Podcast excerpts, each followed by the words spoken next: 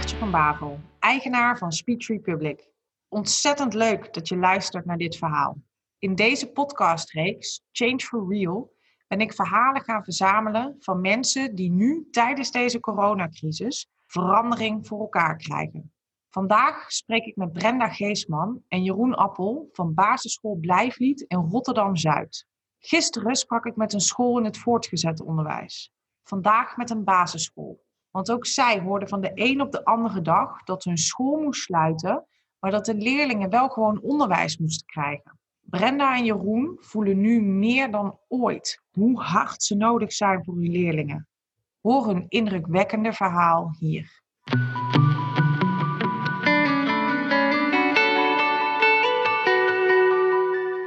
We hebben het even laten indalen, dus die maandag hebben we eigenlijk nou, nog, nog niet zo heel veel gedaan. Ik had wel een, een bovenstuurse, uh, een, een, bovenschoolse vergadering met alle collega-scholen in, uh, binnen het bestuur. Hebben we wel het een en ander afgestemd. Ik heb natuurlijk een berichtje naar de ouders uh, gestuurd. We hebben zo'n bepaalde school-app waarin we dat soort berichten verzenden. Dus Wat stuur je hen dan? Ja, dat we allemaal naar de persconferentie van premier Rutte hebben geluisterd. En dat met de ingang van maandag de scholen dicht zijn. En hou de app in de gaten, want deze week gaan we communiceren ja, hoe, hoe, we verder gaan. Dus dat kon ik op dat moment ook nog niet overzien. En toen hebben we dinsdag het hele team bij elkaar geroepen. We hebben een hele grote zolder, dus met anderhalve meter afstand ertussen.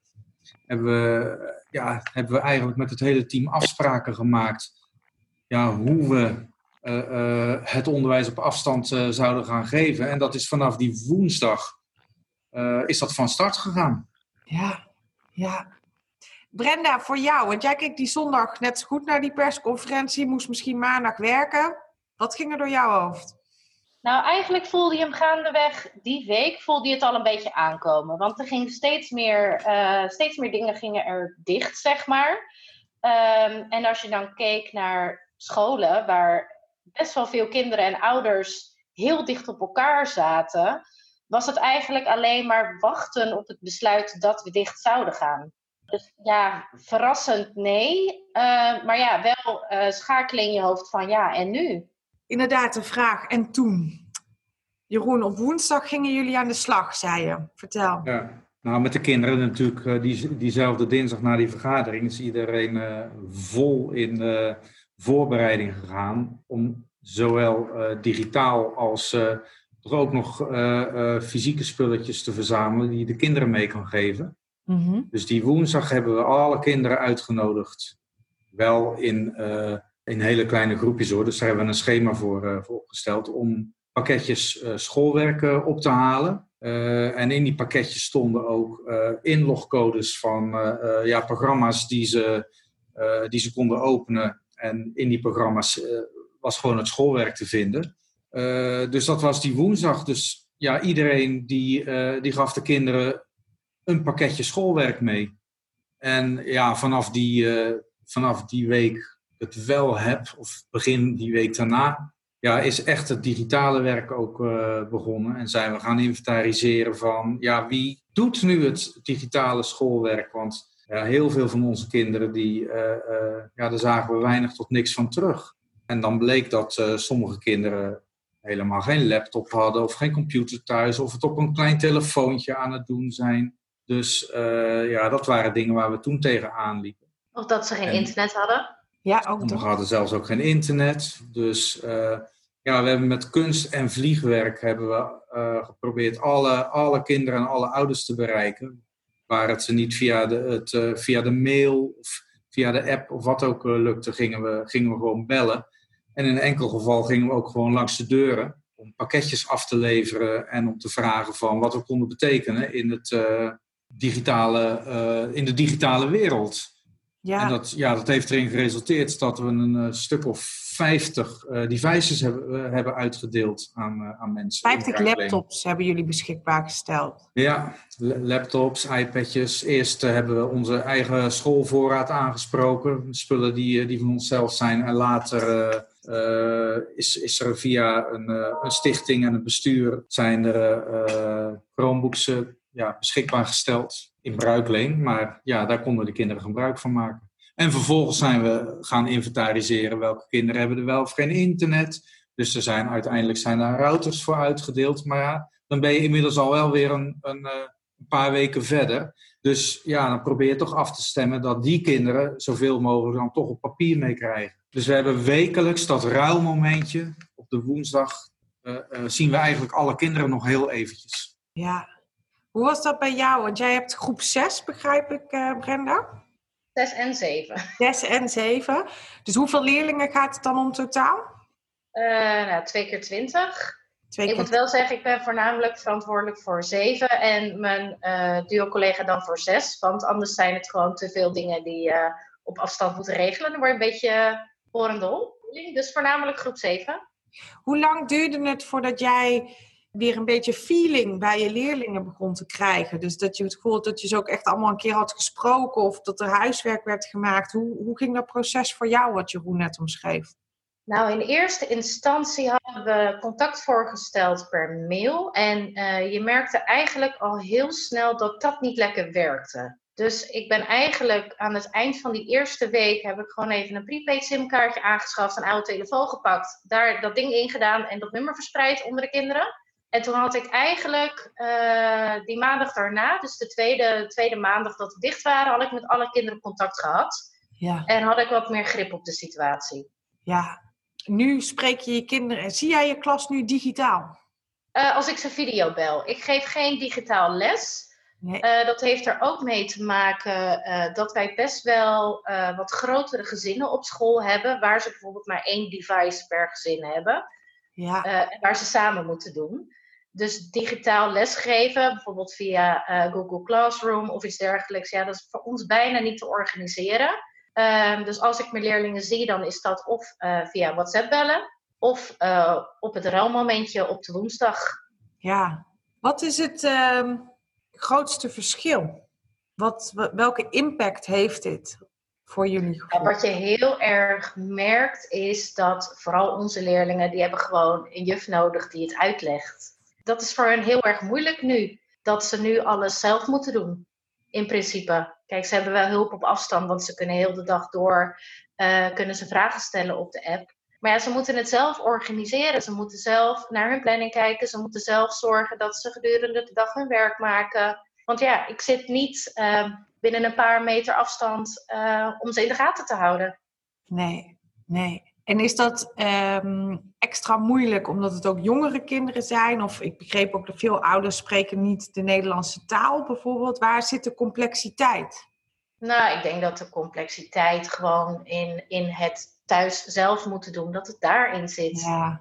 Kinderen zijn heel erg gewend van ik ben op school en um, daar doe ik mijn ding. En dat verschuift zich nu volledig naar thuis. En dat is denk ik een situatie uh, die binnen heel Nederland op dit moment aan de orde is. Ja, voor jou Jeroen, wat zie jij als, als grootste impactverschil of als grootste verschil? Mm, ja, eigenlijk hetzelfde wat Brenda zegt. Deze kinderen hebben, hebben directe instructie van de leerkracht nodig. En, en waarbij de leerkracht continu afcheckt van haken die kinderen nog aan? Uh, uh, ben, ik, ben ik duidelijk in mijn instructie? En nu, nu maken de leerkrachten een instructiefilmpje, maar krijgen geen feedback van de leerlingen. Dus ze kunnen niet direct checken van, hebben ze het begrepen? En dat hebben deze kinderen uh, ja, heel, heel erg sterk nodig. Die wisselwerking tussen leerkracht en met, met, met de leerstof, met de, ja, met de leerkracht en de leerlingen. En dat mis je nu. Dus het, het, het onderwijs wordt wat dat betreft ja, gewoon wat lastiger. En daarom vrezen ook wel een beetje oh, ja, dat er wat, uh, wat achterstandjes hier en daar zijn opgelopen.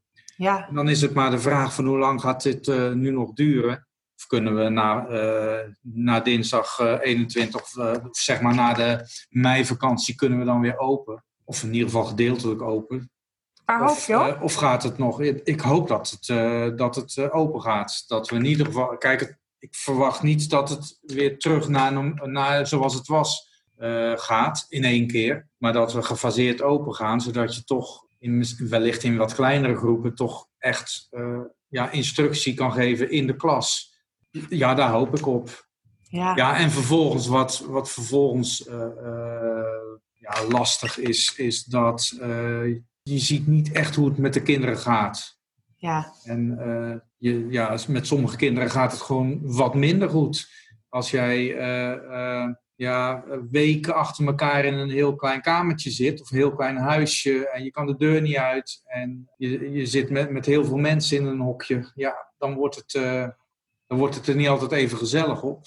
Vaak is school een, eh, een, eh, een veilige thuishaven voor die kinderen, en ja, dat missen ze voor een heel groot gedeelte nu. Terwijl jij dit zegt, Jeroen, zie ik Brenda inderdaad heel erg ja knikken. Vertel eens. Nou, wat je net ook zei, weet je, normaal kan je tussendoor um, bijsturen, maar dat is er nu natuurlijk niet. Ik bedoel, je, geeft een, je, je, neemt een instructiefilmpje op en dat deel je via internet en dan hoop je op het beste. Maar je kan achteraf pas zien, door wat, dat ze, door wat ze online gemaakt hebben of wat ze op papier gemaakt hebben en middels een foto naar je toegestuurd hebben, uh, hoe het daadwerkelijk is gegaan. En vanaf dat punt is het eigenlijk nog lastiger om dan bij te gaan sturen vanaf een afstand. Maar ik las van de week wel iets grappigs op Facebook over die achterstanden. Dat was van, we, bekijken niet hoe groot de achterstand is, maar we hebben een nieuwe beginsituatie. Ja, dat is heel positief denken. Dat vind ik een hele mooie.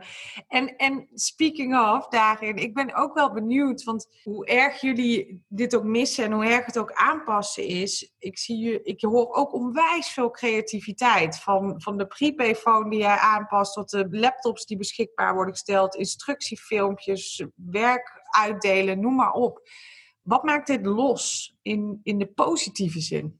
Nou, ik denk dat je gewoon als leerkracht naar de manier gaat zoeken die bij jouw groep past om ze te bereiken. Want wat ik net ook al zei, andere scholen kunnen middels Google Classroom bijvoorbeeld lesgeven. Ja, dat werkt voor ons niet. Dus je gaat heel creatief zoeken naar wat werkt voor ons dan wel om die kinderen te kunnen bereiken.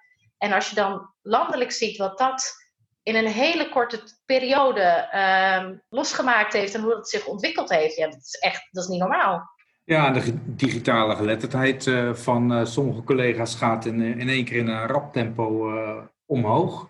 Dat is ook wel mooi om te zien. Ja. Dus ja, daar, daar kun je straks, als de scholen weer normaal in bedrijf zijn, natuurlijk gewoon ook weer je voordeel mee doen. Ja, welk voordeel kun je hiermee doen? Of, of misschien als de scholen straks weer up and running zijn, wat heb je hier dan uit geleerd? Wat gaat dit zeker veranderen?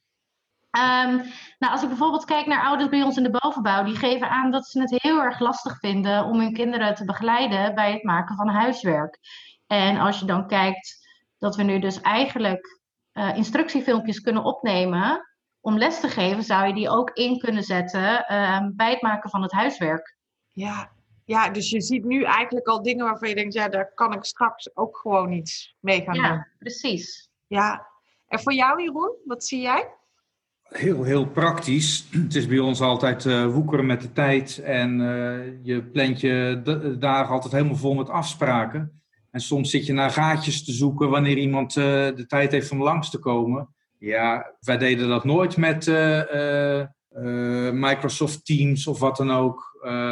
dus ja, dat hebben we nu ontdekt, om het zo maar te zeggen. Dus wat let ons om een, een bespreking op die manier in de toekomst te doen? Dus dat maakt de boel wel een heel stuk efficiënter. Ja. Als je nu kijkt naar de afgelopen drie weken, waarin jullie zo anders hebben gewerkt, welk moment heeft je het meest geraakt? Um, dat was toch wel met een van mijn leerlingen. Die heeft normaal echt een super goede werkhouding. Ik hoef nooit te vragen of de werk al af is of te aan te herinneren dat iets nog niet af is. En uh, die maakt haar werk wel, maar die komt bijvoorbeeld niet tot het sturen van foto's. Omdat zij zo slecht in haar vel zit doordat ze thuis zit.